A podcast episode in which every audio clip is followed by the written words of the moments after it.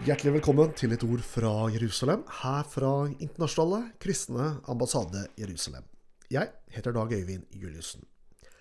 I dagens sending har vi fått besøk av Philip Juliussen. Velkommen til deg. Tusen takk. Nå må vi jo fortelle lytterne her at det er ikke bare etternavnet vi har eh, felles, men her er det far og sønn som er på tokt. Ja. Um, Philip, du har blitt med i IKAIs forkynnerteam. Og Mm. før vi snakker mer om det, kan du fortelle litt om eh, hvem du er, og hva du gjør til daglig? ja eh, som sagt så heter jeg Filip Juliussen. Eh, og jeg er jo naturligvis sønnen av min far, som sitter her i dag.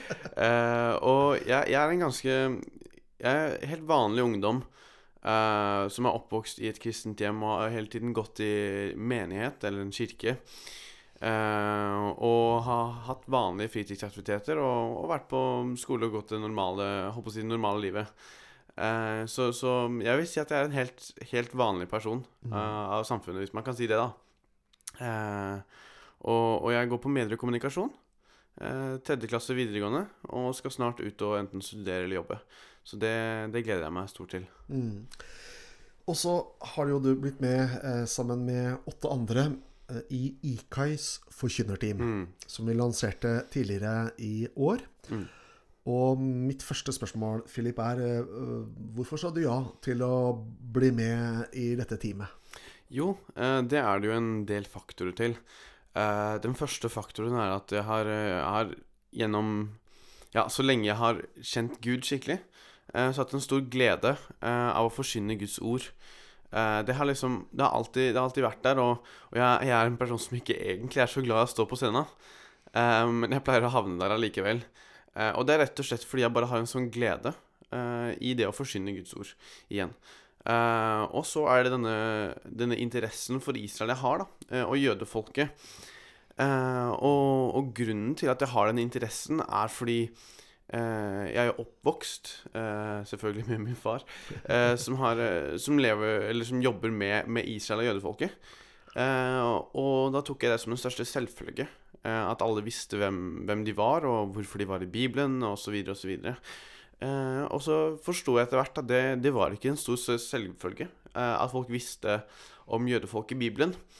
Eh, og Israel, og hvorfor det var viktig og sånn. Eh, og da, da tente det en liten flamme i meg om, av interesse da, for å fortelle om hvem dette jødefolket er, og hva Israels plass har i Bibelen, hvilken plass de har, og hva, hva de har gjort for oss. da. Eh, så disse to faktorene kombinert, at jeg liker å forsyne Guds ord, og at jeg har denne hva skal vi si, særegne interessen for Israel, da, så vil jeg gjerne forkynne om, om jødefolket fra Bibelen, da. Mm. Um, du er jo aktivt engasjert i kirke og har vært med på ungdomskonferanser osv. opp gjennom åra. Mm. Uh, og vi, jo, vi ser jo det at ute i samfunnet, i mediene, så er det masse fokus på dette lille landet Israel, som faktisk er mindre enn det som Mm. var Hedmark fylke. Mm. Uh, men ofte så er det kanskje ikke så mye i kirkene våre. Uh, og det var jo noe av det du var inne på her. At Mm. uh, det som du tenkte mange var klar over, dette med jødene og deres rolle i Bibelen Mm. det, det Slik opplever du kanskje ikke det er på, på Men sånn oppmerksomhet eh, får ikke jødene i, i kirken ofte. Nei. Eh, hva tenker du om dine jevnaldringer, ungdommer, eh, i forhold til det vi snakker om her? Ja, nei, altså det er jo Ja, i mitt, mine øyne, da, ja, av min erfaring, eh, så er jo ungdommer ofte på ungdomsmøte eh, gjennom hele Kristen-Norge.